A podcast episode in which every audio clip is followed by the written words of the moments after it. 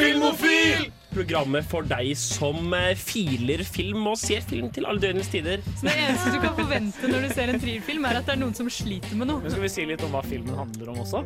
Vi kan gjøre det denne Før jeg er for sein. For jeg har jo et brennende hat mot La La Land. Jeg ser det selvfølgelig på japansk, da. Ja, så klart du gjør det. Jeg tror Gary Holm er litt som nissen. Jeg liker film. Du, du står fram som filmofil, rett og slett. Jeg gjør det. Du hører på Filmofil på Radio Revolt. Hasta la vista, Ja. baby.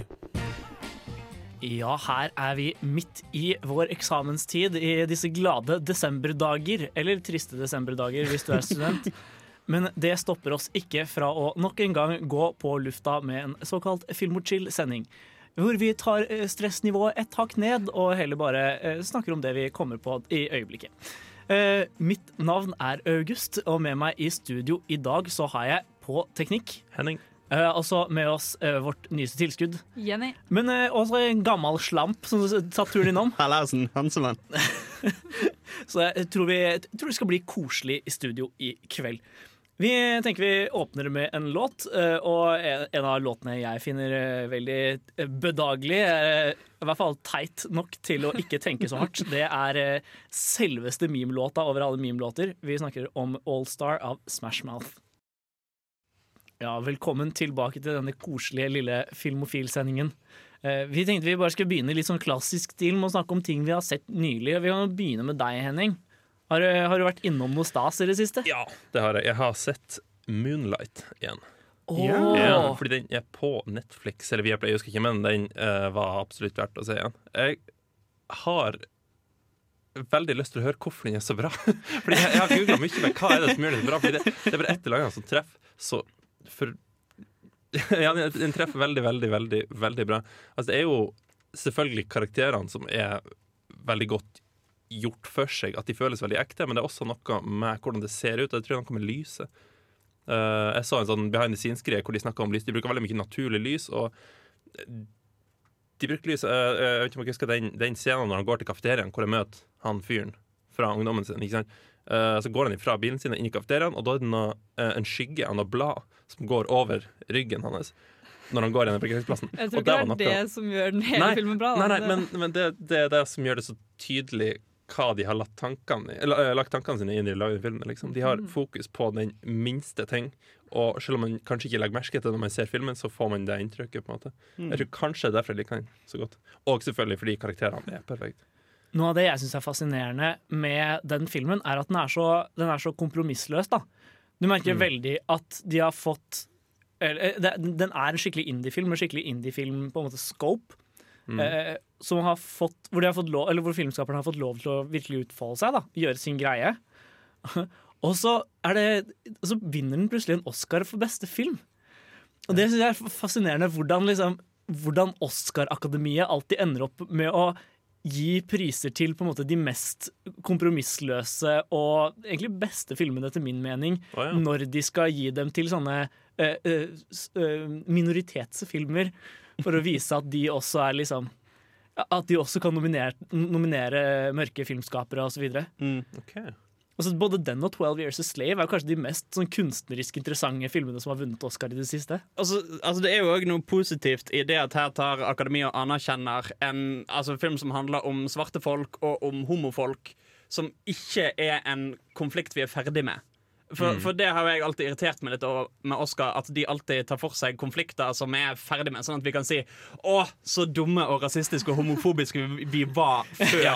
Jammen bra Ja. vi er ferdig med det. Ja, og så flinke vi er nå. Altså. Ikke sant? Og så klapper de seg på skulderen. Ja, vi er så gode i dag. Klapp på Ikke- Ikke sånn som på 80-tallet. Jo, men jeg tror kanskje det jeg synes er litt morsomt med det, er at da, da de på en måte ga Oscaren til en sånn film, så tenkte jeg den kom til å være veldig konvensjonell i formen og liksom veldig streit og grei. Og så så jeg den, og så bare var det sånn så var det et utrolig kompromissløst verk sånn kunstnerisk sett òg, da. Jeg, Mm. jeg, jeg, bare, jeg, var virkelig positivt overrasket over den filmen Ja, da jeg dro på den på kino. Men hva spesifikt er det som gjør det så bra? Det er som er vanskelig. Men jeg, klarer ikke å sette inn det. Er én ting som, eh, som er spesifikt beit merke med som jeg synes var bra. Det er spoilers. Spoilers, spoilers. Det er en karakter som dør. Så, ja, når denne karakteren dør, uh, så skjer det offscreen. Du får ikke vite. Det er litt sånn som i No Control Men. Sant? Det er mer naturlig, på en måte Fordi det er ikke sånn livet er, på en måte at noe er bare stort og ekstravagant liksom, bare fordi en vektig person livet er død. på en måte Ikke sant? Så skjer det offscreen fordi et eller annet har skjedd. Han var en doplanger, så selvfølgelig havna han i noe- i trøbbel. Ikke sant? Og så ble han sikkert skutt eller noe sånt. Sånne ting tror jeg gjør den filmen så bra. Og jeg anbefaler alle å se den. De som ikke har sett den. Og de som har sett den. Den, holder, den har holdt målet ved andre gjennomsyn òg. Absolutt. Det gjør den. Jeg så den på en liten laptopskjerm. Fortsatt. Neste gang blir det på mobilen, og Ja. fortsatt blir bra. ja, Det blir det. Til slutt på en sånn iPod Shuffle. Ja, det blir det. En sånn gammel Nokia. Sånn Ja, en ja, ja. flippesak. Jeg tenker vi kan ta og høre en, en liten låt før vi vandrer videre. Ja. Snakker mer om sånn, ting vi har sett nylig, og annet eh, løst og fast filmmateriale. Vi eh, tenkte vi skulle høre en låt vi har blitt eh, glad i dette semesteret. Nemlig Hollywood Ending fra filmen eh, Anna and the Apocalypse. Hollywood Ending fra Anna and the Apocalypse der, altså. Eh, vår favoritt-zombie-musikal. Men uh, vi, jeg tenkte vi skulle diskutere litt mer ting vi har sett nylig, og vi kan jo gå til deg, Jenny. Ja. Uh, har du fått sett noe på kino denne den travle eksamenstiden? Jeg har ikke gått på kino, da. Jeg har nesten ikke sett på film egentlig heller. Det er veldig trist. Det er liksom Sitte på rommet og lese til eksamen, og så har jeg ikke sett noe film. Og så innser jeg det plutselig. At jeg har ikke sett noe film, og så blir jeg sånn «Ah, Ja, men, ja, men Hæ? Ja, men jeg har klart å se to filmer da, allikevel.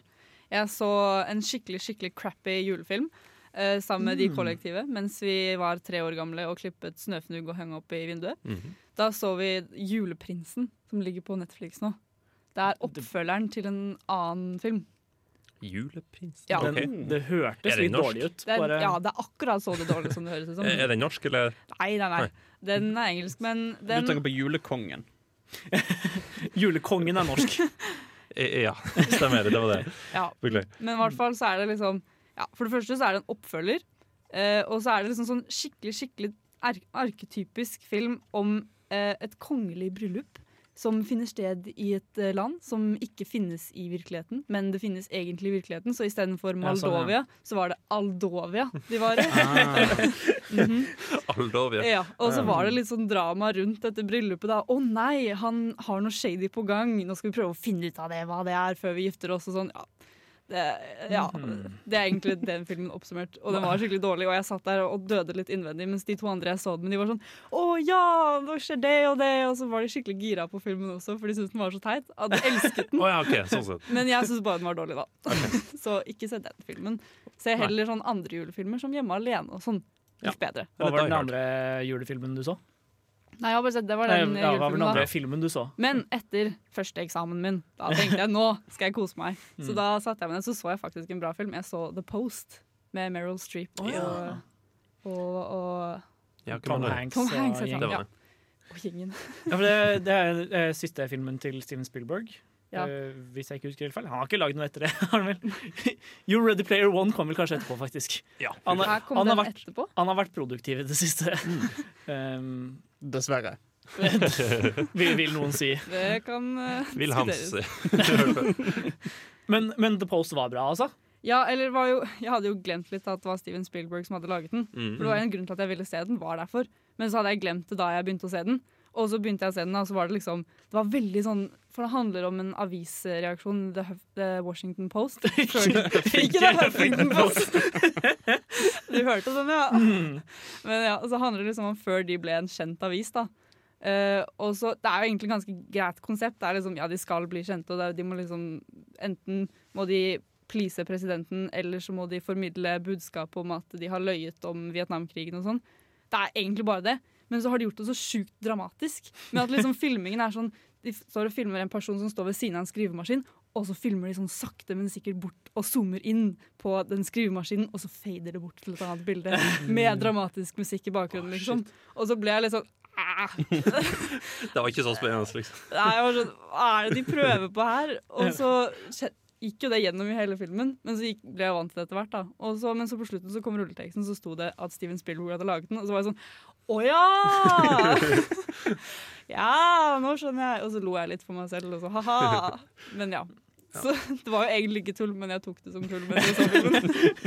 Det var ikke sånn at det var liksom en koffert med bombe i liksom under et bord, og kameraet bare går under bordet, bort til bomba. bare, Å nei! Nei, Et det var dramamoment. nesten. Ja, ikke sant? Bruk samme teknikk, liksom. Bare Ja. at det var en mann som satt på en skrivemaskin. liksom. Ja, og så var det til og med en eske Det kom inn en shady eske der på et tidspunkt, så filmet de sånn zoomet de sakte, men sikkert inn på oh, den nei. esken. Og hva er det i esken? Oh, Ja. Er det en avissak? What's in the box? What's in the box? Jeg har også sett en Steven Spielberg-film eh, siden sist. Oh, ja. Eh, Jeg, jeg sjekka ut eh, um, The Big Friendly Giant. Ja. Er den gøy? Den var, den var skikkelig CGI-bonanza. Ja. Det kan jeg tro. Det tror jeg på. Men jeg satte på samme tid litt pris på at det er på en måte en barnefilm i dagens medielandskap som bare tar seg litt god tid til ting. Det, altså, okay. det er jo liksom ikke en film det går an å spoile helt. Det Mm. er liksom The Big Friendly Giant. Folk har lest fortellingen. Men, men de er jo i hvert fall hos eh, dronning Elisabeth for å prøve å overbevise henne om å hjelpe til i kampen mot de andre eh, kjempene. Em, og eh, det er en sånn lang sekvens hvor de eh, serverer sånn drikk som får alle til å prompe til hele hoffet. Og alle bare promper en del. eh, og liksom En film som tar seg tid, var det det? du sa? Jo, jo, men, men altså, den, bruker, den bruker lang tid på å bygge opp denne sekvensen. Først skal liksom Ja. den store, vennlige kjempen få mat, og så skal han være misfornøyd med at han blir servert kaffe fordi det smaker vondt, og foreslår at de heller skal drikke denne brusen som gjør at man promper. Eh, og så sitter alle og liksom venter lenge på at å nei, nå kommer dronningen til å prompe dere. det er liksom, altså, det, det, og det er veldig teit, og det er veldig barnslig. Men det, det var litt Altså, det var litt forfriskende. Det var, det var mindre dårlig enn jeg hadde trodd. Det ser så- veldig gøy ut hvis du er sju. Ja, jeg, jeg, jeg tror det. Så um, Boka var artig. Det husker jeg da jeg var liten. Mm. I rundt all sju. Ja. Det, det kan stemme. så, så hvis du kjenner en sjuåring Big Friendly Giant, helt, helt kurant. Ja. Og meld videre til oss hva syvåringer syns. Så, så kan vi faktisk dømme den filmen. Yep. Ja. Men det, nå da har vi snakket lenge om Spielberg. Uh, la oss heller høre en låt. Uh, vi, vi skal nå høre Earth, Wind and Fire med September, selv om det er desember. Ja, ja, eh, vi kan gå videre til deg, da, Hans. Ja. Du er den eneste i studio som ikke har fått uh, gørse litt om hva du har sett i det siste. Ja, og det er jo, det er jo en stund siden sist. Ja, det, det, Så det er jo, siden, siden sist har du forhåpentligvis sett et par filmer, kanskje. Jeg måtte faktisk tenke meg litt om, for jeg, jeg ser ikke så mye film nå for tiden, egentlig. Men jeg har sett litt, og jeg, jeg har sett én film som kanskje er blitt en av mine favorittfilmer. Fordi fy Wow. faen Oi. hvor jævla kul den var. Var det Mandy? Mandy. Mandy. Nei, ok.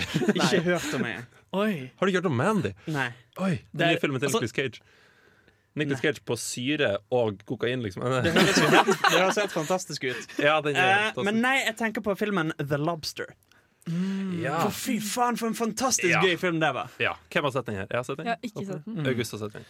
Den, eh, den er litt uh, Altså, han eh, Georgios Lantimos Mm. er en uh, fascinerende skrue. Ja. Det er regissørene. Ja. Ja. Uh, han har lagd Han, han lagde først en som het Dogtooth. Som handler om en sånn uh, sektfamilie som overbeviser barna sine om at uh, verden utenfor, er, uh, utenfor liksom deres tomt er kjempefarlig. Eh, og at de må miste hjørnetennene sine før de kan forlate eh, områ- Eller før de kan være, måte, er voksne nok til å forlate området. Ja. Um, og så lagde han uh, The Lobster nå, altså 'Killing of a Sacred Deer', som var, fikk veldig god mottakelse i. Cannes i fjor. Ja. Mm. Ligger på Viaplay, tror jeg. Mm, men det er en helt nydelig, flott film. Eh, eller kanskje feil adjektiv Ja. å bruke. Ja, Nydelig flott. en film som Jo, jeg vil kanskje til og med si at det er en vakker film.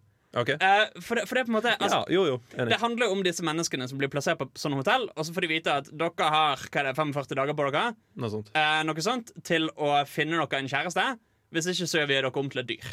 Eh, du kan få velge sjøl hvilket dyr vi skal gjøre deg om til. Japp. Og han- han vil bli en hummer, da, som er derfor han filmen har lyst til å bli en hummer. ja.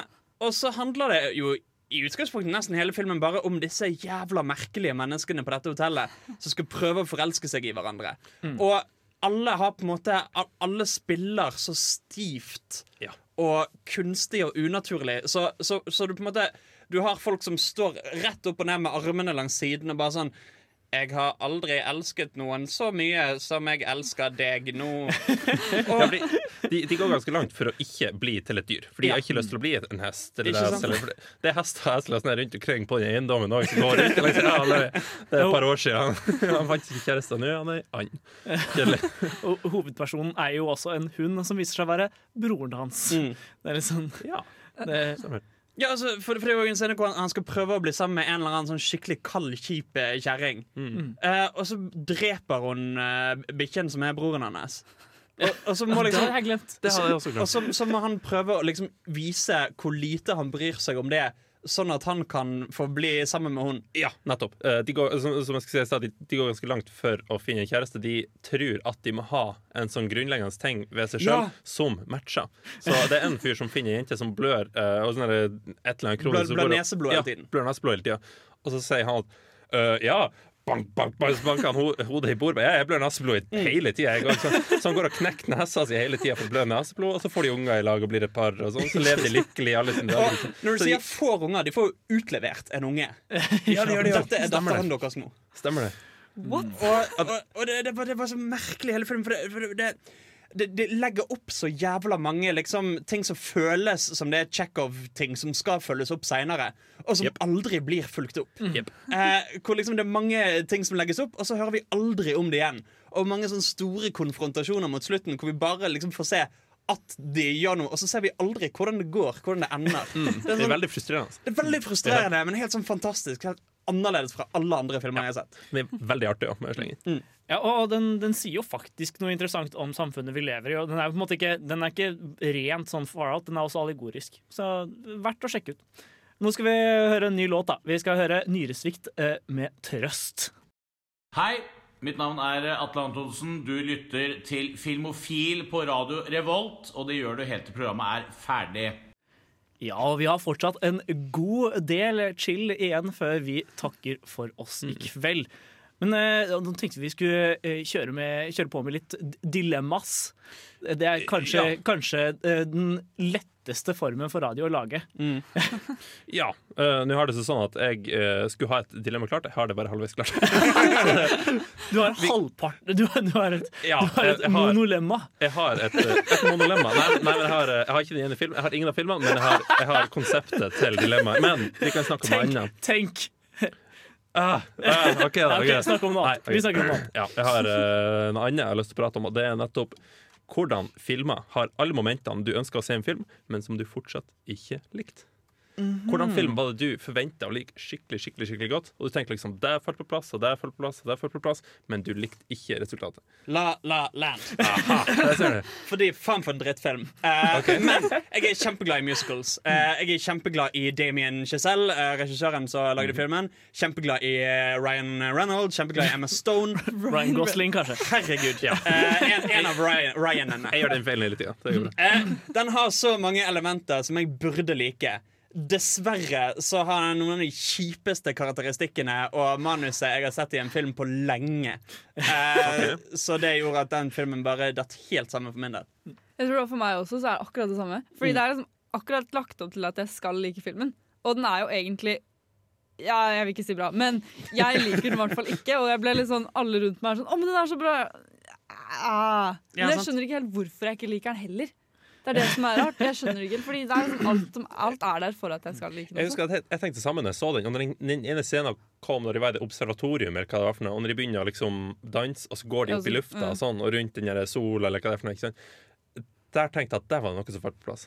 Det var et eller annet der som jeg likte veldig godt, og det var litt det jeg hadde ønska var resten av filmen. Det var litt mer magisk, på en måte. Det var litt for uh, reell, på en måte. Jeg Jeg tror noe av problemet mitt med den filmen var at den, uh, den er, skal på en måte være sånn en, en hyllest til gamle Hollywood med de store musikalfilmene.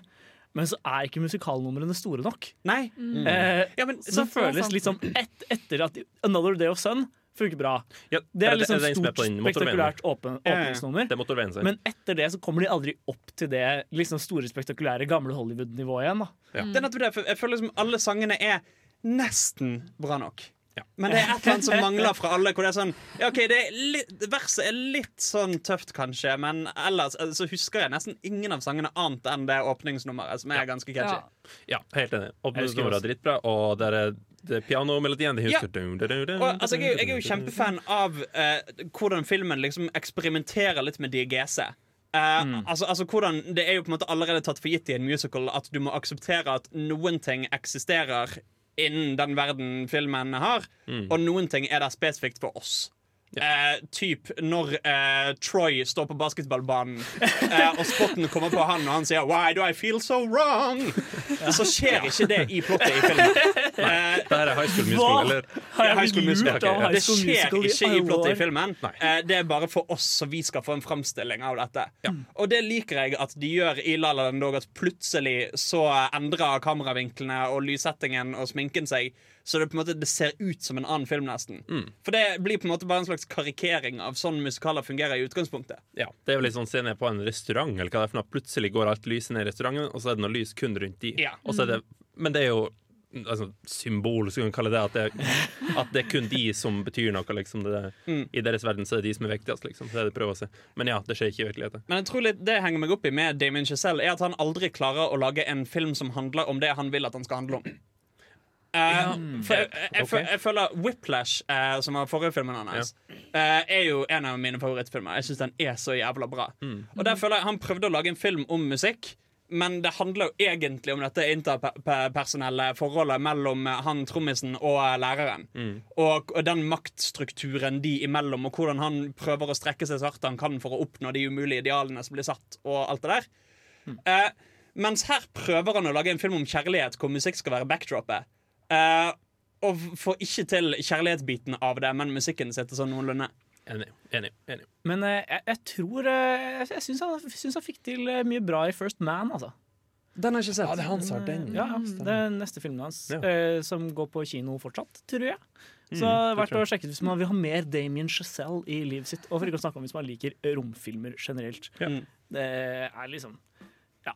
Han, han er en dyktig filmskaper. Han er jo det. Eh, det er, blir, han er en sånn, sånn fyr jeg kommer til å liksom, følge, med i, eh, følge med på i spenning Mm, fremover. absolutt. Han har virkelig potensial. Særlig ja, Whiplash er dritbra. Men nå må, må vi høre litt mer musikk. Vi jeg tenker vi går for Stevie Wonder med 'Superstition' denne gangen. Ja, nå har du endelig klart å finne et eh, dilemma til oss, Henning. du Det ikke har jeg. Jo, absolutt. Jeg, tingen var at jeg hadde teksten, hvis vi kan kalle det for dilemmaet, dilemma, som var i hvordan apokalyptisk verden ville du helst ha levd i. Men jeg vet ikke hvilken film jeg skulle ta. Men nå har jeg filmene. Eh, Jeg har bare plukka ut en liten neve her. Jeg leser opp noen av de, så får dere velge melodi. Mad Max-verden. World War Z. Skal vi se. I Am Legend. Og skal vi se Snowpiercer. I melodi. Hvordan verden vil dere leve i? Ok, Så vi må enten leve i sånn eh, eh, forlatt, eh, øde ørkenlandskap med masse biler. Hvor Mm. alle er litt sånn, prøver å drepe hverandre litt og Ja. jager etter hverandre og litt sånne ting. Eller en verden hvor de på en måte egentlig fikser zombieproblemet. Eh, Ja, men det, det stryker en del folk med, for å si det sånn. Men det kommer jo veldig an på hvor i dette du havner, mm. Tenker jeg. Det er helt sant. Hvis du er forrest i toget på Snowpiercer, for eksempel, så, så er det. Skulle det gått helt fint. Jeg hadde, jeg hadde klart meg Jeg, jeg ser for meg midten av toget egentlig er mer behagelig. med de akvariene og de ravefestene og de Nei, de, de rave-festene i fremre delen virka litt slitsomme. Ja, absolutt. Eller hvis det er sånn, Du kan velge hvilket univers, og så må du basically bare trille terning eh, på, Ja. for å avgjøre okay. hvilket sosialt lag du havner i. Sa- Samme gjelder World War Z hvis du ender opp i Israel. Ja. Det er ganske kurant. Ja, helt fram til de, helt til de, Helt til de bygger tårn.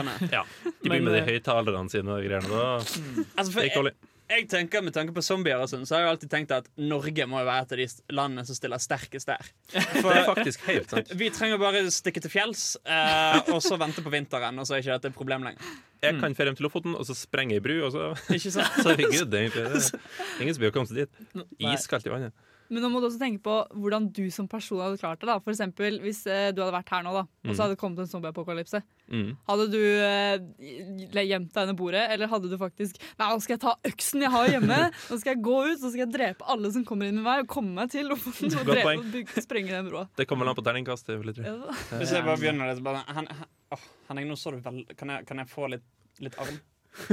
Bitte litt. Det så veldig god ut. Nei. Det var jeg, altså, det, er Kan jeg si at sånn som i World War C, de zombiene der er ganske umulig. For det, de Ja. virker, hvis, hvis du ikke har ei rifle eller altså, Men- jeg vet ikke, en lastebil, så har du et problem, for de er kjappe. For du nevnte I Am Legend, sant? Ja, det gjør jeg. Hvem er du i I Am Legend? Da er jeg en overlevende i New York City, samme okay. som Will Smith. Ja. Eller ja. du er the legend. Ikke, så- oi, oi, oi. Ja, du kan, du kan være han. Sett deg sjøl i hans føtter. Ikke? Du har en hund, du har våpen, du har sportsbiler. Du jakter hjort i eh, Times Square. Det er kanskje lettere hvis de sier at du er hovedpersonen i dette Ja, okay, apokalyptiske Okay, ja. universet.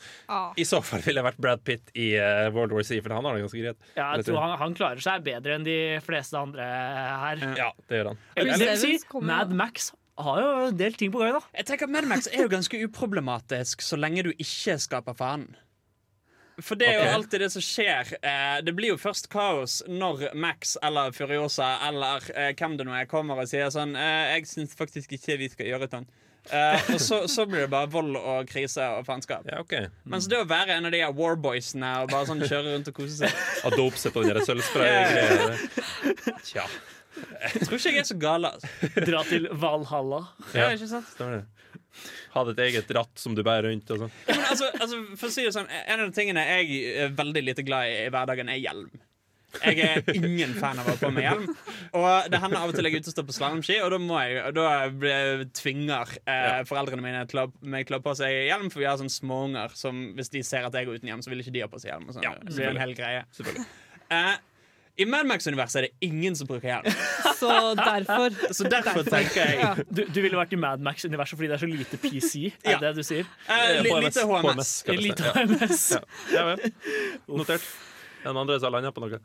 det, er jo, det står jo liksom mellom I Mad Max så har du jo Der har du jo mennesker, og du har liksom Ja, en helt grei verden. Mens i de andre så har du zombier, eller liksom blir forlatt alene med tog som har krasja og alt mulig sånt. Ikke sant? Så da, Ja, det krasja, ja. Det er sant, det. Ja. Du så jeg for meg livet og spiste de ja, hvis det bare liksom. hadde vært toget, hadde det jo vært litt greit. Hvis det hadde vært Chris Evans, så hadde det kanskje Ja. gått.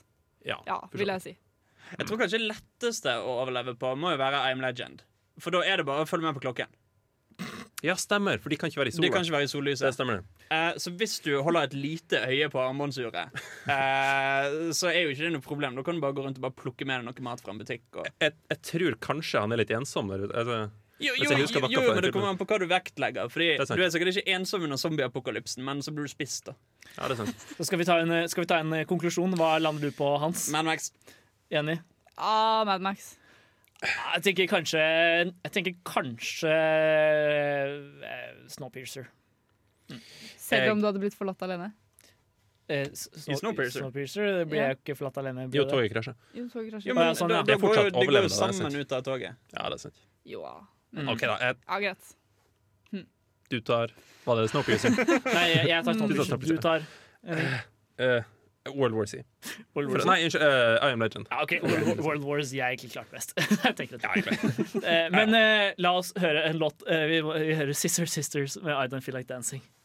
Ja, jeg gir deg ordet nok en gang, Henning, for du har funnet en filmnyhet du har lyst til å snakke litt om. Det har jeg. Eh, jeg snakka om Moonlight tidligere, og en av skuespillerne i den filmen her er Mahershala Ali. Han vant Oscar for beste uh, birolle, heter det vel på norsk. Supporting actor, altså.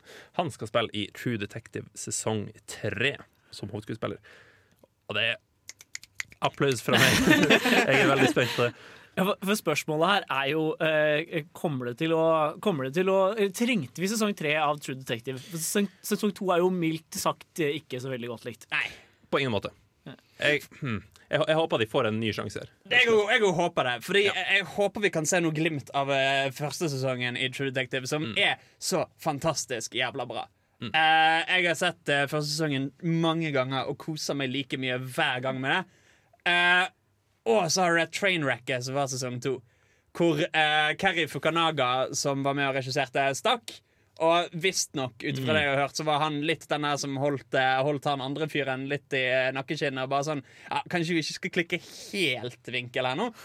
Eh, og så endte sesong to opp med å bare bli en sånn her eh, runkering av eh, Altså, altså det, det som er tydelig, er at de merket at de fikk jævla mye god respons på eh, liksom, de dystopiske monologene til uh, Matthew McConaughey eh, sin karakter. Rust Cole. Rust Cole. Sånn. Og så tenkte jeg hm, hva hvis alle karakterene har sånne mørke monologer? Mann bak kassa.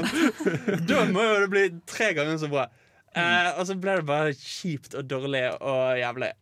Ja, for- Noe av det som funker i denne serien, er jo faktisk dynamikken mellom de to hovedpersonene.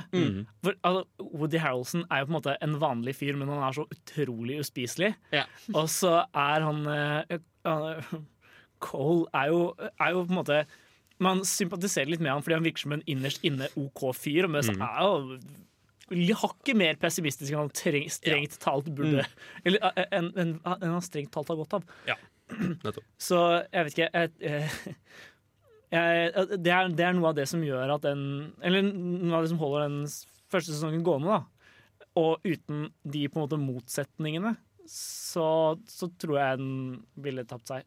Jeg, vet, ikke, jeg har jo ikke sett sesong to ennå. For selve krimaspektet i sesong én var det egentlig så bra. Jeg så, jeg har sett det et par ganger. Den, den selve historien de fulgte, var helt grei. Men den holdt på en måte flytende, den her dynamikken mellom de to karakterene. På en måte. Nei, men jeg vet ikke om jeg syns det er en krimserie, sånn egentlig. Nei, ikke sant? Eh, jeg, jeg vil jo nesten plassere det litt mer i sånn fantasy-eventyr-sjangeren. For jeg, jeg vil jo si det, det har en veldig sånn klar tone om eh, go godt mot ondt. Mer enn det har disse detektivene Ja, skal finne, finne ut av eh, forbrytelser. Så Det er er det mer en tydelig sånn mm, eh, No Country for Old Men-aktig visjon av verden om Mm. det finnes ondskap der ute, og hva, hva kan du gjøre som, uh, for å prøve å stå imot det? Men den er jo, den er jo helt klart en sjangerhybrid. Den, den er ikke Altså Det å si at den er ren krim, er jo en veldig, veldig rar Eller veldig rart å plassere den i, på en måte, med- tydelig i krimsjangeren. Men den har jo helt klart krimelementer. Og, og som du sier, så har den beveget den seg også over i litt sånn fantasy- fantasy-territorium, eh, sånn tematisk. Mm. Men den har også en god del sånn Den har også en del til felles med sånn gravende journalistfilmer, nesten. Ja, det er sant. Det er litt Altså, sånn spotlight. Okay. eh, Ja, ja men det handler om liksom, du skal, du skal komme i bunn, til bunns i noen som misbruker makten sin for å, for å gjøre kjipe ting. Mm. Um, Hmm. den, altså, så okay. den, den, den, har, den har veldig mye i seg. Uh, jeg, jeg ser ikke problemet med at den kan, ha, at den kan være både krim og litt sånn fantasyaktig. Ja, for det var, jeg så, jeg tror bare jeg har sett én eller to episoder eller noe. Og det var jo, jeg gikk jo inn med å tro at dette var en ren krimserie. ja. Det endra seg med en gang, nesten. Absolutt. Så Men Henning, eh, vet du noe mer om hvem som skal være involvert i sesong tre? Nei, dessverre. Det Fikk- vet jeg ikke. La oss krysse fingrene for at eh, gode, gamle eh, Fukanaga kommer tilbake igjen. Ja. Det får vi håpe. Så kjører vi en, en, en, låt. Eh, vi tar litt, en ny klassiker. Queen med I Want To Break Free. Ja, Henning, du har liksom steppet, eller tatt liksom et steg tilbake til din gode, gamle eh, nyhetsrolle i dag. For du har Ja. eh, enda mer nyheter du har lyst på, på ditt hjerte. Ja, absolutt. Jeg eh, eh, husker ikke hva jeg skulle. Men jeg husker nyheten jeg skulle ta på. Det er at Ryan Reynolds skal lage en film ut ifra ei eh, kort historie på Reddit. Vel. ja, det er historie som blir posta. Hva, hva, hva er det han driver med for tida? Deadpool, Uh, Detective Pikachu og så Reddit. Liksom. Og Once Upon a Deadpool, da. Vi må ikke glemme Ja, den. ja, selvfølgelig. Det er jo enda verre. Men jo, uh, denne historien var posta på uh, reddit.com slash r slash no sleep, hvor de deler sånne Ja. eh, ganske dårlige skrekkhistorier. Uh, men av og av og av og til så kommer det gjennom da ei faktisk veldig god historie. Den, eh, jeg leste litt diskusjon om den historien her. Den skal tydeligvis være ekstremt bra til å være ei korthistorie, og den har han tatt opp. Uh, kjøpt den av eh, Han skrev den, altså Jasper DeWitt. Uh, ja. Uh, The 20th Century Fox faktisk måtte ha en budrunde om det her for å vinne den. Uh, det er de som har tatt prosjektet. Eh, historia går eh, eh, Unnskyld, historia handler om en optimistisk doktor som begynner å jobbe på et sånn sinnssykehus eller noe sånt, eh, og tar først den verste pasienten på det sinnssykehuset og tenker at nå skal jeg helbrede den fyren der, men så går det ikke sånn som han tenkte. Mm. Det er historia. Er det Harley Quinn og Joker her? Kanskje det. Vi får se. Uh. Men altså, for, fordi No Sleep er jo en ganske interessant subreddit, egentlig. Okay. Uh, for det er jo en subreddit for sånn uh, creepypastas, hvor Ja. folk poster skumle og ekle historier. Og så er på en måte litt poenget at når du kommenterer den subredditen, så må du kommentere som at du tror på ja, det. Det stemmer, det. Ja, du, du må spille med. liksom. Ja, du må spille med. Ja. Så, så du kan liksom ikke si Nei, dette høres urealistisk ut. Eller dette tror ikke jeg helt på. Nei, tuller du? Fy faen, så ekkelt. Og så kommer, kommer forfatteren tilbake og sier liksom Det er helt seriøst Ja, ja, ja. skrevet. Så, så det, er, det, er liksom, det er ganske kult sånn space å bare henge i. Hvor liksom du har okay. mange mange folk som er med på leken, på en måte. Med at det skjer skikkelig ekle og overnaturlige ting Ja. eh, blant oss. Det er som sånn en haug med unger på, på leir som, som på en måte Ja, ja. Eh, Alle sitter og forteller hverandre spøkelseshistorier, og liksom alle aktivt prøver å tro på det. Ja, ja. Ja, det høres Jeg faktisk husker, jeg husker sjarmerende ut. Det var en av de første søvnene jeg kom over Når jeg begynte med Reddit for jeg tror syv år siden. Jeg registrerte den eller noe sånt. Og da husker jeg jeg syntes det var oh, creepy. Ikke sant? Fordi da var jeg vel 15. Ikke sant? Sånn, kanskje 16. Da, da klarte jeg liksom å, å leve meg inn i det. Sånn. Men jeg kom tilbake til det for et år siden, og sånn, da fant jeg det ved tilfeldighet. Så var det skikkelig sånn der, Det var snålt, fordi det var det var eksklusivt dårlige historier. liksom Det var Ja, ja, ikke eneste god historie, og alle kommentarene var bare at de spiller av meg. Og jeg bare det var så snålt at jeg bare Nei. Det der. Men det som er gøy å se for seg, det er godeste Ryan Reynolds som sitter og ser på dette på fritiden. Hva, hva er det han gjør med livet sitt? Han er på no sleep, liksom. Shit, jeg er skikkelig redd. Og så fant han en som var en sånn ah, Dette må bli en film. Ja, men Da må han jo faktisk ha noe sånn her based on a true story et eller annet i uh, creditsen på Ja, filmen. det må han faktisk. Ryan Reynolds virker som en sånn genuint morsom fyr. Ja. Ja, det, er, det er fascinerende. Altså, jeg, jeg er vanligvis av den, av den tro at man aldri liksom skal man skal aldri anta at Hollywood-folk er hyggelige, for de er sikkert ikke det uansett. Mm, Eh, men akkurat han har, så, så, har så rar smak for tida. Det er liksom ikke kan, noe annet enn å tro at det er genuint. Og hvis det er genuint, så må han være en sjarmerende type. Altså, Detektiv Pikachu! altså. Jeg, jeg tenker at Du skal i hvert fall respektere ham for å gjøre hva faen han vil. Det, det er ingen som har bedt ham om å gjøre det. Deadpool må ha gått for bra, tror jeg. For han, ja, han, har, han har nå liksom total kreativ frihet som skuespiller og på en måte prosjektutvikler. Det er, det er rart. Men du, du har jo andre som har gjort det samme, f.eks. Daniel Radcliffe. Eh, hvis du ser på rollene han har hatt etter Harry Potter, så har han jo bare tatt gøye, rare ting eh, som han åpenbart sjøl har syntes var veldig gøy å være med på.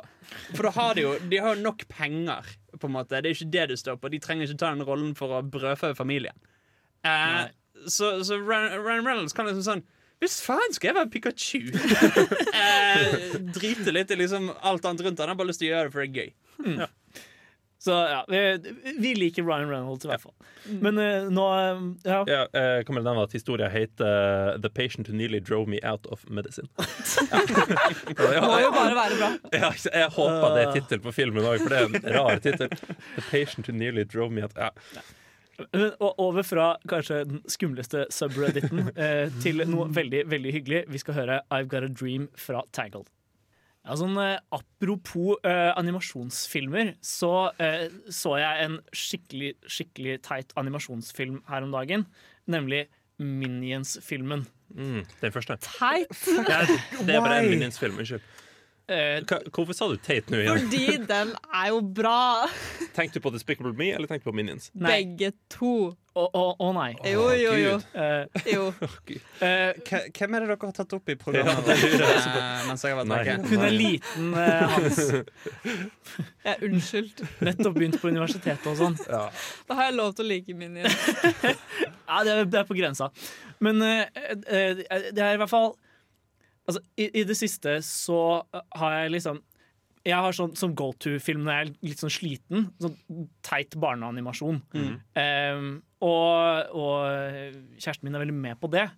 Så vi har endt om å se ganske mye sånn middelmodige animasjonsfilmer som har kommet i det siste. Og det er overraskende mange av de der ute, altså. Okay. Og og det som er så rart, eller det jeg synes er påfallende, er at det å lage animasjonsfilm er skikkelig dyrt. Du trenger et stort budsjett. Og da skjønner jeg ikke hvorfor de lager sånne ting som ja, ta for eksempel Storks. Så noen, har noen av dere vært borti. Storks? Nei. Jeg har hørt om den. Oh, Det er liksom Konseptet er eh, eh, storkene som leverer babyer, Mhm. har eh, funnet et nytt og mer effektivt system for levering av babyer, eh, heller enn gode gamle liksom eh, fly, fly, At alle storkene er ute og flyr de. Ja, I en sånn tøypose. i Ja, det, liksom. det er så ineffektivt at de har liksom funnet en ny måte å gjøre ting på. Og det er ikke helt trygt heller, ser du for deg. Litt farlig. du meg, men- Ja, men men eh, moralen er i, hvert, det er i hvert fall en sånn lang historie om hvordan noen, eh, en stork og en tilfeldig jente som aldri ble levert, skal levere en unge sammen eh, på gamlemåten. Og Det, er litt- ja, jeg vet ikke, det, det gir ingen mening. Alt er teit. Jeg har, Eh, jeg har aldri hørt om den filmen. Nei, skikkelig elendig, men veldig stort budsjett. Og, liksom, og, og Minions-filmen kom nylig. Også en ræva film, eh, etter min mening. Men toeren eller eneren? altså, Minions. Ja, det er, Den filmen som heter Minions. ja, det er to stykker av de. Er det to Er det to allerede? av de Det allerede? er to av de. Jeg vet det skulle komme tre, men jeg trodde ikke toeren var ute ennå. Fordi eneren er bedre enn toeren. Oi, Det da kan vil jeg jeg si ikke meg se enig toeren. om. Eh, jeg tror jeg har kommet til bunns i hvorfor de lagde Storks. Ok. Okay. Eh, fordi den filmen kostet 70 millioner dollar å lage. De tjente 185 millioner dollar på den filmen. Og, og vi har aldri hørt om den. Hvordan i faen går det her? Ja, da begynner det å nærme seg der de tjener, inn penger, tjener penger på det også, faktisk. Nesten, det er To og en halv ganger budsjett det er ca. det man har lyst til å ha tilbake. Ja. Men Hva- Når kom den ut? Den kom ut i 2016. Men det er jo sånn typisk film liksom, sånn, eh, som foreldre og sånn tar med Ja. ungene sine på. Bare Ja, ja. fordi ja, det, er, det ser jo søtt ut, det ser greit ut, ja, da kjører vi på. Mm. Og det er jo liksom Da tjener jo godt med spenn. det bare er så mange av de som er så middelmodige for tida. Angry Birds-filmen også ble jo laget på et tidspunkt. Emoji-filmen. Jeg skal akkurat si Ja. det, emoji. Vet du hva, Hans? Du vet kanskje ikke det, men emoji-filmen var den første filmen som ble vist i Saudi-Arabia etter at de i kino var lovlig igjen tidligere. Stakkars jævla araberne. Tenk at de kom uh, en eller annen sånn 60-åring og sa jeg husker kino da jeg var liten. Ja, ja, Før bare, eh, revolusjonen så gikk vi og så Star Wars, og Ja, nå skal vi endelig tilbake i Ja. kinosalen. Kinoen han setter med popkorn, ikke sant? Så kommer emoji-filmen på. Tenk deg Å gud, hva skjedde? Jævla USA. Så. Det var en film jeg ikke hadde lyst til å se. Nei, Jeg så på ingen liksom- måte. Jeg tror ikke jeg så traileren engang. Jeg så bare plakaten til den. Så var jeg sånn Nei, nei, nei. Nei, jeg, jeg har hørt den er ganske dårlig. Mm. kan jeg. Kan, jeg spørre spørsmål om Minions? Ja. Fordi jeg er en sterk motstander av mediet de lager vitser med. Altså Hele det Minions-greia. At de er små gule sånn, ja, ja, springer Mm. rundt og liksom er klumsete og bare ha-ha. Det, ikke sant? det er litt sånn humor jeg føler. Det er, er sånn, folk som sitter med sykkelhjelmer i kinosalen og sånn spør men, eh, er, er vitsene i det minste artig? Mm, ne- nei. Nei. Jenny, er vitsene artig? Altså, Det kommer litt an på da om du liker den type humor. Jeg ser jo på det når jeg liksom skal slappe helt av og bare se på noe sånn bakgrunns, liksom. For jeg, synes, jeg har liksom okay. vokst opp med disse filmene nesten. Jeg har sett på de så lenge. Okay. Så det er liksom, jeg syns det er gøy, fordi jeg synes ikke, det er ikke ødelagt for meg av memes enda. Så da syns jeg det fortsatt Det er er bra. mange fæle memes om Minions, faktisk. Så jeg synes det er veldig, Og så syns jeg Steve Carell er så sjukt flink. Eh, i Men han stemmen er jo ikke med! Er det han Nei, ikke i Minions, da, men i Grusom meg, da. Ja, han som er Ja, Ja. Mm. Ja, stemmer. Han er med store- i uh, toeren, sånn så vidt. Da ser man en ung, eh, en ung Gru. Hæ? N- eh, I Minions toeren av. Minions. ja, ja, altså han kommer inn helt på slutten, liksom? Ja. Nei, det er jo Minions-filmen. Ja, det er... ja. For det har kommet Oh. tre Despicable Me-filmer og én Minions-film. Ja. Jeg er ganske sikker på det. OK, da har det kanskje bare kommet én. Ja, jeg tror Ja, det. det tror jeg, altså. Hvorfor føler jeg at det har kommet to, da? Det er fordi det har kommet så mange Despicable Me-filmer Ah, i mellomtida. Minions 2 Sant. 2020 kommer den ut, Sant, ifølge det IMDb. skulle komme ah, ok, greit, da. Men det kommer en Det er. Greit. Det er bare å stille seg i kinokøen allerede. Det er det. Eh, men eh, jeg tenker vi heller, eh, heller enn å dvele ve- mer ved Minions, så kan vi heller høre noen bra låter. Vi skal først høre Honningbarna med Sant, etterfulgt av uh, Footloose. Ja, velkommen tilbake til eh, Filmofil etter et par eh, litt, for, litt forskjellige låter, vil jeg påstå. Men, eh, men vi liker dem begge. Det gjør vi. Absolutt. Men Henning, du, det ryktes at du har lyst til å snakke om Jake Gyllenhaal. Ja, det har jeg. Eh, Henning har alltid lyst til å snakke om Jake Gyllenhaal. jeg har faktisk alltid lyst til å snakke om Jake Gyllenhaal. Middagsbordet, når, når jeg sover Nei. Jeg ser for meg Tinder med Henning.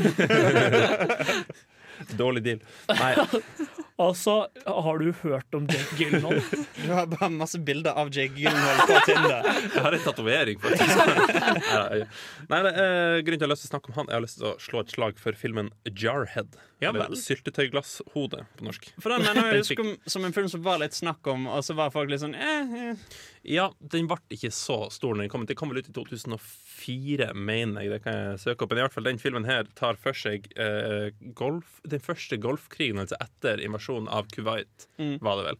Eh, altså når de gikk inn i Saudi-Arabia og forsvarte eh, oljefeltene mot Saddam Husseins styrker. Um, den filmen jeg tar for seg en fyr som heter Swafford, spilt av, eh, av eh, Jake Gyllenhaal, selvfølgelig, som blir trent opp til å være en skarpskytter. Eh, og hele den treninga deres, så blir de bygd opp til, til, til drømmen, da, og endelig få skyte noen. Ja, det, er- ganske brutale øvinger, men det her drapet blir så idolisert av alle i treninga, og alle som driver med den treninga. Så han, eh, Jamie Fox sin karakter kaller det The Red Mist. Den du skyter noen i hodet. Ikke sant? Det blir sånn blodsprut. Når du ser det på langt avstand, tydeligvis, så blir det sånn rosa et rosa slør, på en måte. Så alle i denne uh, skarpskyttertroppen hans er så tent på å drepe folk. Uh, Unntatt da Nei da. Nei, da. Oh, nei, Jake. Gyllenhaal er absolutt del av det. Han er en, en svært forstyrra person, kommer det fram i filmen. Um, kanskje ikke fordi han var det i utgangspunktet, men fordi han blir så terrorisert av uh, Så Se for deg uh, en hund som sprenger rundt en sånn løpebane ikke sant? på jakt etter en kanin. Ikke sant? Hvis du bare får den til å fortsette å gå rundt og rundt og rundt, og rundt, og rundt så blir den hunden å bli gal til slutt. Ikke sant? Fordi eh, han aldri uansett kan gjøre, kommer noe nærmere. Ikke sant? Fordi det her er målet som noen har satt for han Bare kommer lenger og lenger unna jo mer han sprenger. Ikke sant? Og den filmen her viste seg eh, Jeg har sett den et par ganger. Første gangen så tenkte jeg bare det var en helt OK krigsfilm. Liksom, det er faktisk en veldig god kommentar på eh, soldater i moderne krig. Fordi i tidligere krig så var det mye mer brutalt. Det var mye mer fiender rett oppå hverandre. Men nå er det mer eh, et logistisk spørsmål egentlig i krig. Det, det er fly som eh, liksom flyr bort og bomber og småting og sånn, men soldatene får veldig sjelden se action. Og når amerikanske soldater blir trent opp til det her at de skal få drepe den, ikke sant? så blir det som den hunden som springer rundt i banen. Og ha det i tankene hvis du skal se en film der. For veldig bra kommentar. Nei, det er faktisk interessant, for Jeg så en annen film som handler om litt samme tematikken. Mm. Eh, nemlig eh, Patten. Det er, en, okay. en sånn, eh, det er fra 1970. da Det er en sånn stor, grandios, gammeldags krigsfilm. Men den handler om en av disse generalene da som bare var skikkelig dyktig soldat, men helt elendig politiker. Så han, han, han ledet felttoget over Cecilia og sånn under, eh, under andre verdenskrig. Og gjorde det kjempebra, men så slappa han en soldat i ansiktet fordi han ikke ville tilbake til fronten. Uh, og det ble plutselig så stor politisk uro. da Han ble på en måte satt på sidelinja ne nesten hele resten av krigen. Uh, og du ser på en måte i den filmen hans på en måte dilemma hvor han har lyst til å være en god soldat, men ikke får lov fordi han for å få lov til å være en god soldat også må være en god politiker. Og måten på en måte, ja, kampene Eller måten det å være soldat på i, i, Eller måten man er soldat i det 20. århundret og utover, har vært veldig annerledes enn enn hvordan det har fungert i alle, alle tidligere tider. Kan jeg bare nevne at Patten vant syv Oscarer. Ja, det, det er en Yes. knakende god film. Ja. Ligger på Netflix. Hvis Ja, du har tre timer til overs en dag, så er det bare å sette seg ned med Yes. den. Men, eh, men eh, jeg, jeg blir skikkelig positivt overraska. Det, Mm. det er deilig å se skrik krigsfilm på stor skala noen ganger Ja, også. det tror jeg på. Men eh, nå skal vi høre et par skikkelig koselige låter.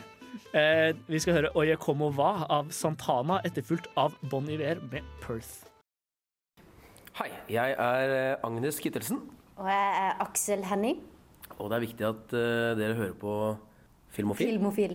Ja, uh, dere, dere hører på Filmofil, altså. Um, og vi driver med filmrelaterte dilemmas, blant annet.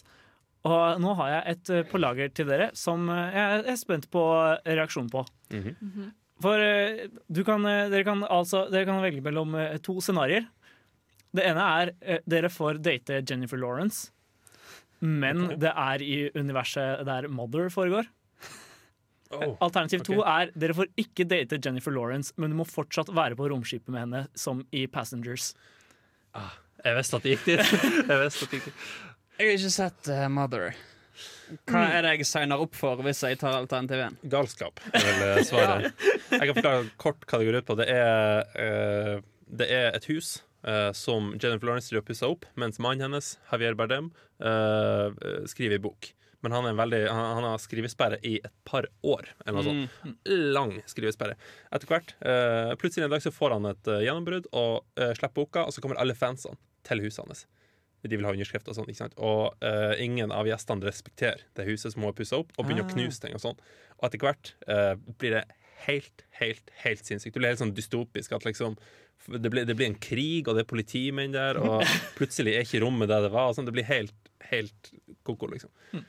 Det, det er ingen sted i virkeligheten. Det er ikke et ekte hus, liksom. Det er, Fordi jeg så traileren, og liksom det jeg fikk ut av den, var, det er jo det er den filmen uh, hvor det er liksom, traileren er helt stille. Mm. Og så er det liksom bare det, går, det er skikkelig creepy sånn hele veien gjennom. Det er helt stille i traileren, og så er det liksom bare Jennifer Lawrence, og så er det sånn sånn merkelige scener innimellom også. Det er den filmen. ja da, det, det høres ut som. Pro altså, problemet er at den ble framstilt som en skrekkfilm i traileren. Veldig Ja, Fordi det. det er ikke en skrekkfilm. Den er er- ikke en skrekkfilm. Den er, den er mer sånn eh, Forstyrrende. Ja, den har litt sånn marerittaktig logikk. Um, Ikke kjent med begrepet. nei, nei, men du skjønner hva Hva jeg mener. Altså, filmen har litt mareritt Mareritt? oh, ja. logikk. Okay. Altså, hvis, ja. Du trodde Mar Maritta eller noe sånt. Bare, en av de rare regissør. Fransk Men ja, ja. Men ja, det var altså Spørsmålet er Ville dere, ville dere få være sammen med Jennifer Lawrence, men dere måtte henge i det ø, universet? Eller ville dere trasket rundt alene på romskipet uten å få lov til å snakke med Jennifer Lawrence som i Passengers? Er det derfor det skjer i Passengers? De snakker ikke. Ja, altså, ø, Altså, det kommer veldig an på hvordan Passengers-situasjonen fungerer. ja, uh, Passengers-situasjonen er ø, Se for deg, se for deg uh, det forholdet mellom de to karakterene når det er på sitt verste i okay. Passengers. -hmm. Det er sånn. Altså, Jeg vil si at jeg er litt mer sjarmerende enn Chris Pratt. Så jeg, jeg tror jeg kunne Jeg tror jeg kunne, jeg kunne snakka henne i senk. Tror jeg, Ja, men altså, Nei, men du, du, du får ikke Du blir aldri sammen med Jennifer Lawrence. Ah. Men, men for å henge For Får du være kompis med Jennifer Lawrence, på en måte? Ø, Nei, hun hater deg. Ja, Ja, sånn, er uten forsoning i sikte.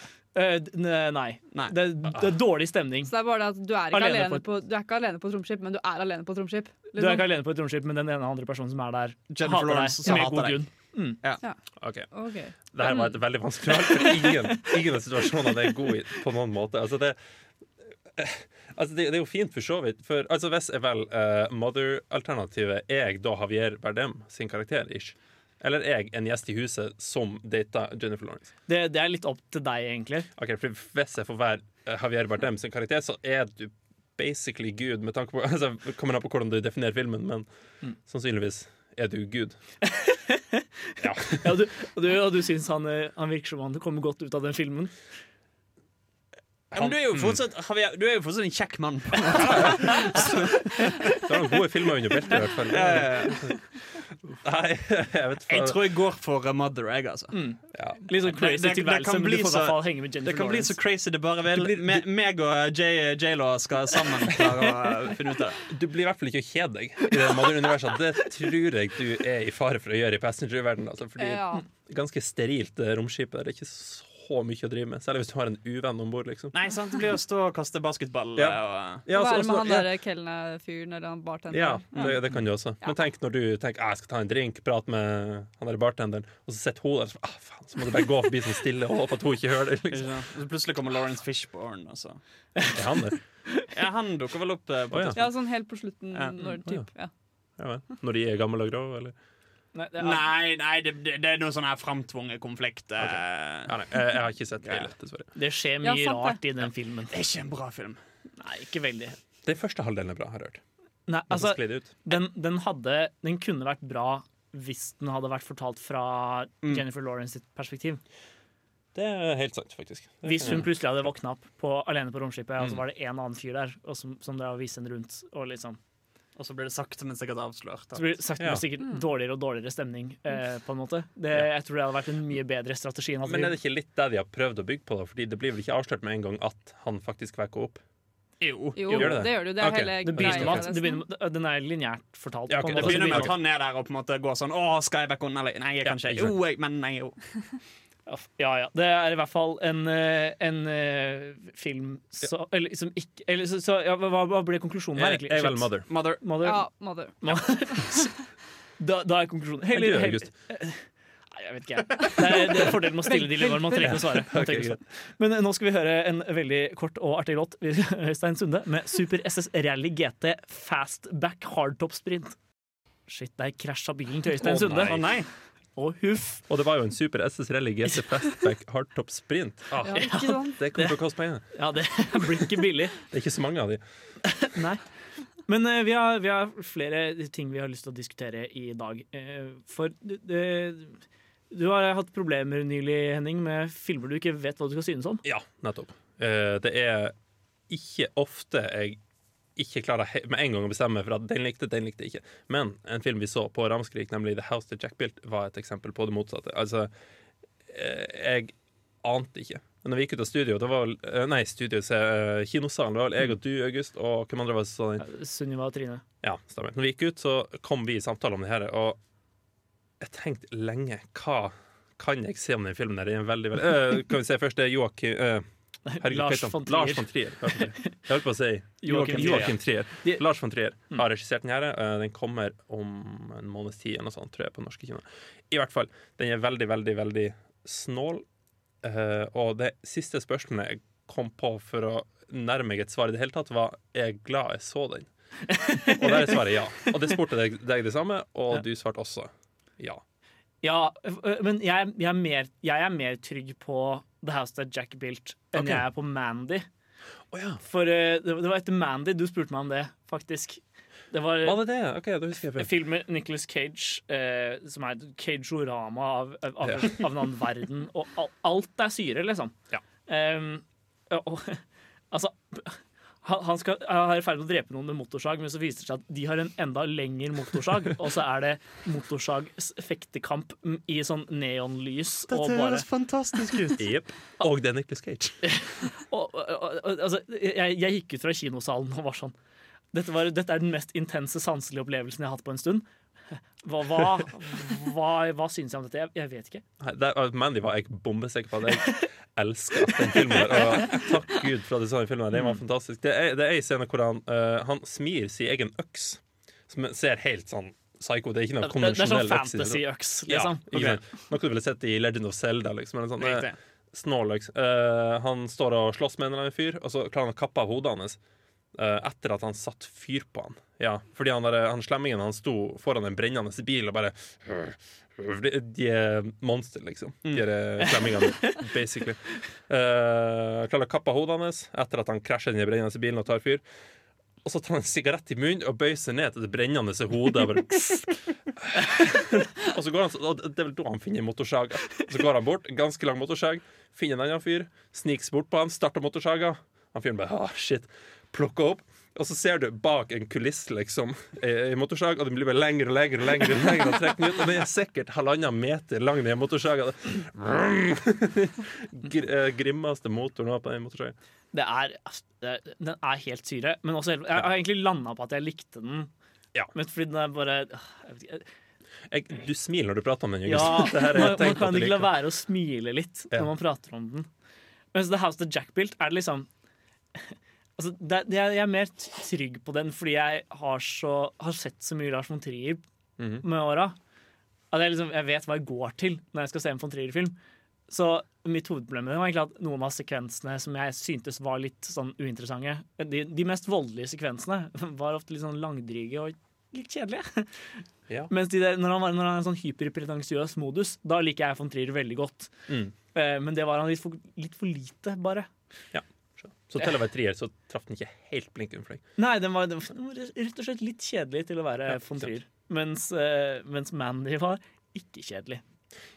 Litt det jeg følte om uh, det House of Jack Built, at Ja. når han var liksom fornærmende, så var det ikke på en måte en sånn uh, Jeg vet ikke, smart Jeg kommer ikke til Nei. bedre ord. Det, var, det, var ikke, det virka ikke som at det var påtenkt. På en måte. Jenny Hans, har dere noen sånne filmer dere ikke helt har klart å bestemme dere for om dere liker eller ikke? Altså, jeg, jeg har jo den med basically hele filmografien til um, han der um, Injarato, er det den heter? Ja. Uh, Birdman og um, The Revenant, Uh, Babel, var det vel han som lagde det? Og altså, altså, for, altså for, for der er jo litt sånn delt på hva en skal vektlegge en, om en syns en film er bra eller ikke.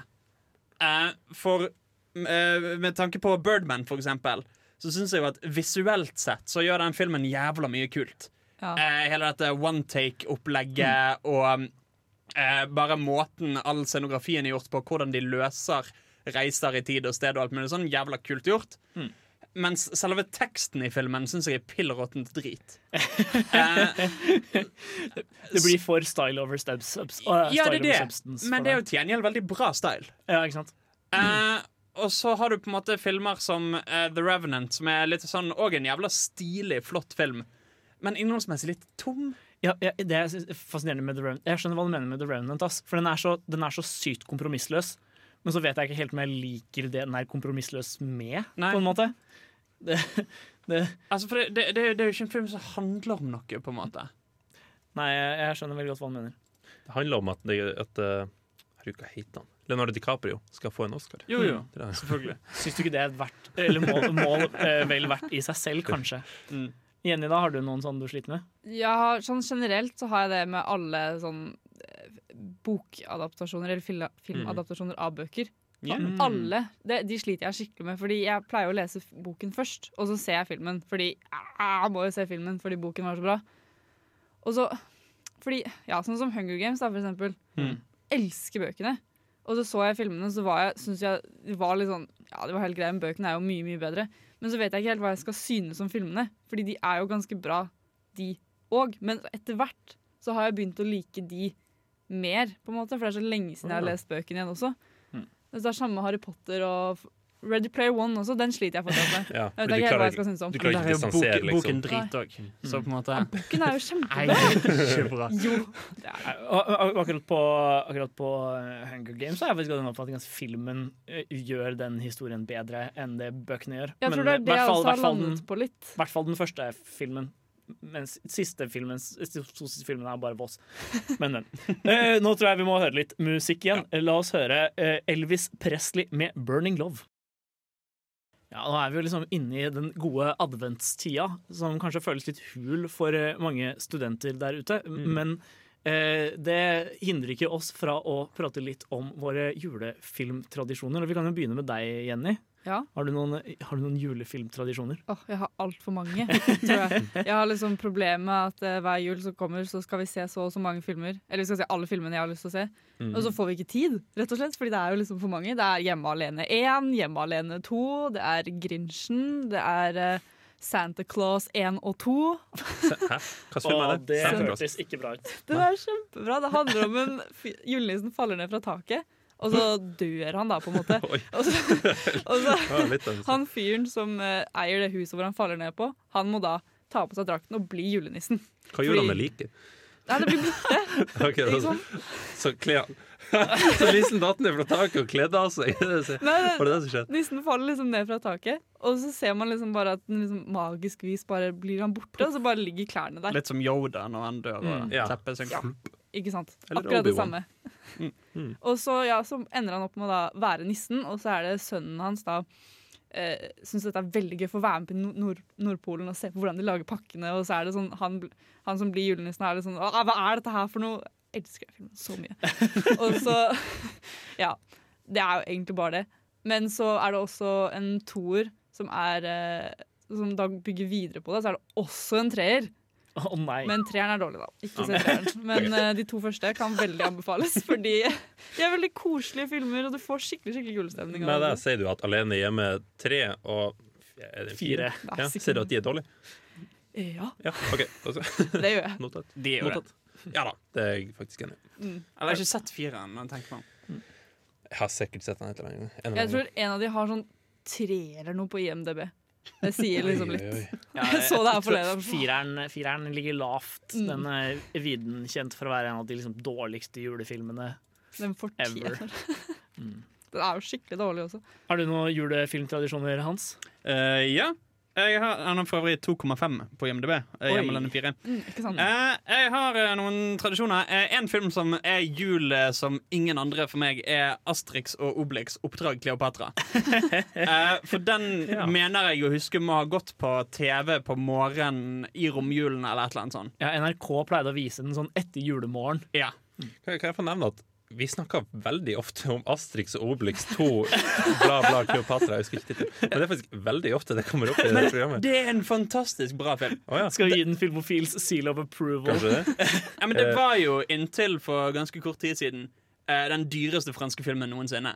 Eh, Ja, stemmer det. og, og den er altså faktisk så forbanna vittig. Eh, det er så mange gode jokes i den, for de har på en måte klart å oversette litt den Asterix og Obelix-humoren til lerretet. Ja. Eh, så det er ordentlig gøy. Br altså jeg håper I hermetegn bra norsk dubbing. Eh, hvor de har på en måte klart å eh, absorbere litt cheesen ut av å oversette, oversette en live action-film. Eh, sånn at det blir bare gøy, og de har funnet noen artige oversettelser eh, på et par ting som bare funker jækla bra. Og Ja. Vel verdt å se. Se den på norsk. Ja. Og med det så Filmofil seal of approval. Ja, det er den eneste filmen som har fått det dette beste. Ja, det er jo trist. Men uh, du da, Henning. Jeg eh, har snakka om mine juletradisjoner før. Uh, jeg setter kort. Matrix gikk på TV uh, på julaften for ikke så lenge siden. Jeg og broren min så den. Og etter det hender det at jeg ser den på julaften. Rundt juletida. Veldig god film. Ja, nei, jeg har eh, Eller familien min har litt sånn nylig, nylig tilpasset juletradisjon med å se A Very Merry Christmas. Eh, Sofia Coppola sin julefilm med Bill Murray. Den er, ja, den er veldig koselig og rar og, og søt. Bill Murray er alltid bra. Ja. Men eh, nå må vi høre en låt. Vi skal høre Led Zeppelin med 'Immigrant Song'. Ja, nå er dessverre Filmofil ferdig for denne gang. Og det er kanskje på tide, i og med at jeg skal ha eksamen i morgen tidlig. Men, eh, men det har vært eh, hyggelig å tilbringe kvelden her sammen med dere, og håper alle der ute har syntes det samme. Eh, Med meg i studio i dag så har jeg hatt på teknikk. Henning. Vi har altså hatt med oss vårt nyeste tilskudd, Jenny. eh, for ikke å snakke om gamle traver. Hansemann. Og eh, mitt navn er August. Eh, hvis dere ikke fikk med dere denne litt bedagelige Filmofil-sendingen, så er det bare å sjekke oss ut på radiorevolt.no slash programmer slash filmofil. Eh, da kan du høre hele sendingen på nytt med alle, hele vårt eklektiske låtutvalg. eh, eller dere kan bare søke oss opp på Spotify og høre, høre uten låter. Det er verdt det bare for praten med oss, si. På, på veien ut så skal vi høre en av våre favorittlåter fra, fra dette semesteret. Uh, vi, vi har rett og slett blitt, uh, rett, i- rett og slett blitt glad i dama som synger om hvordan det er å være en ku. Vi skal høre Doja Cat med Moo.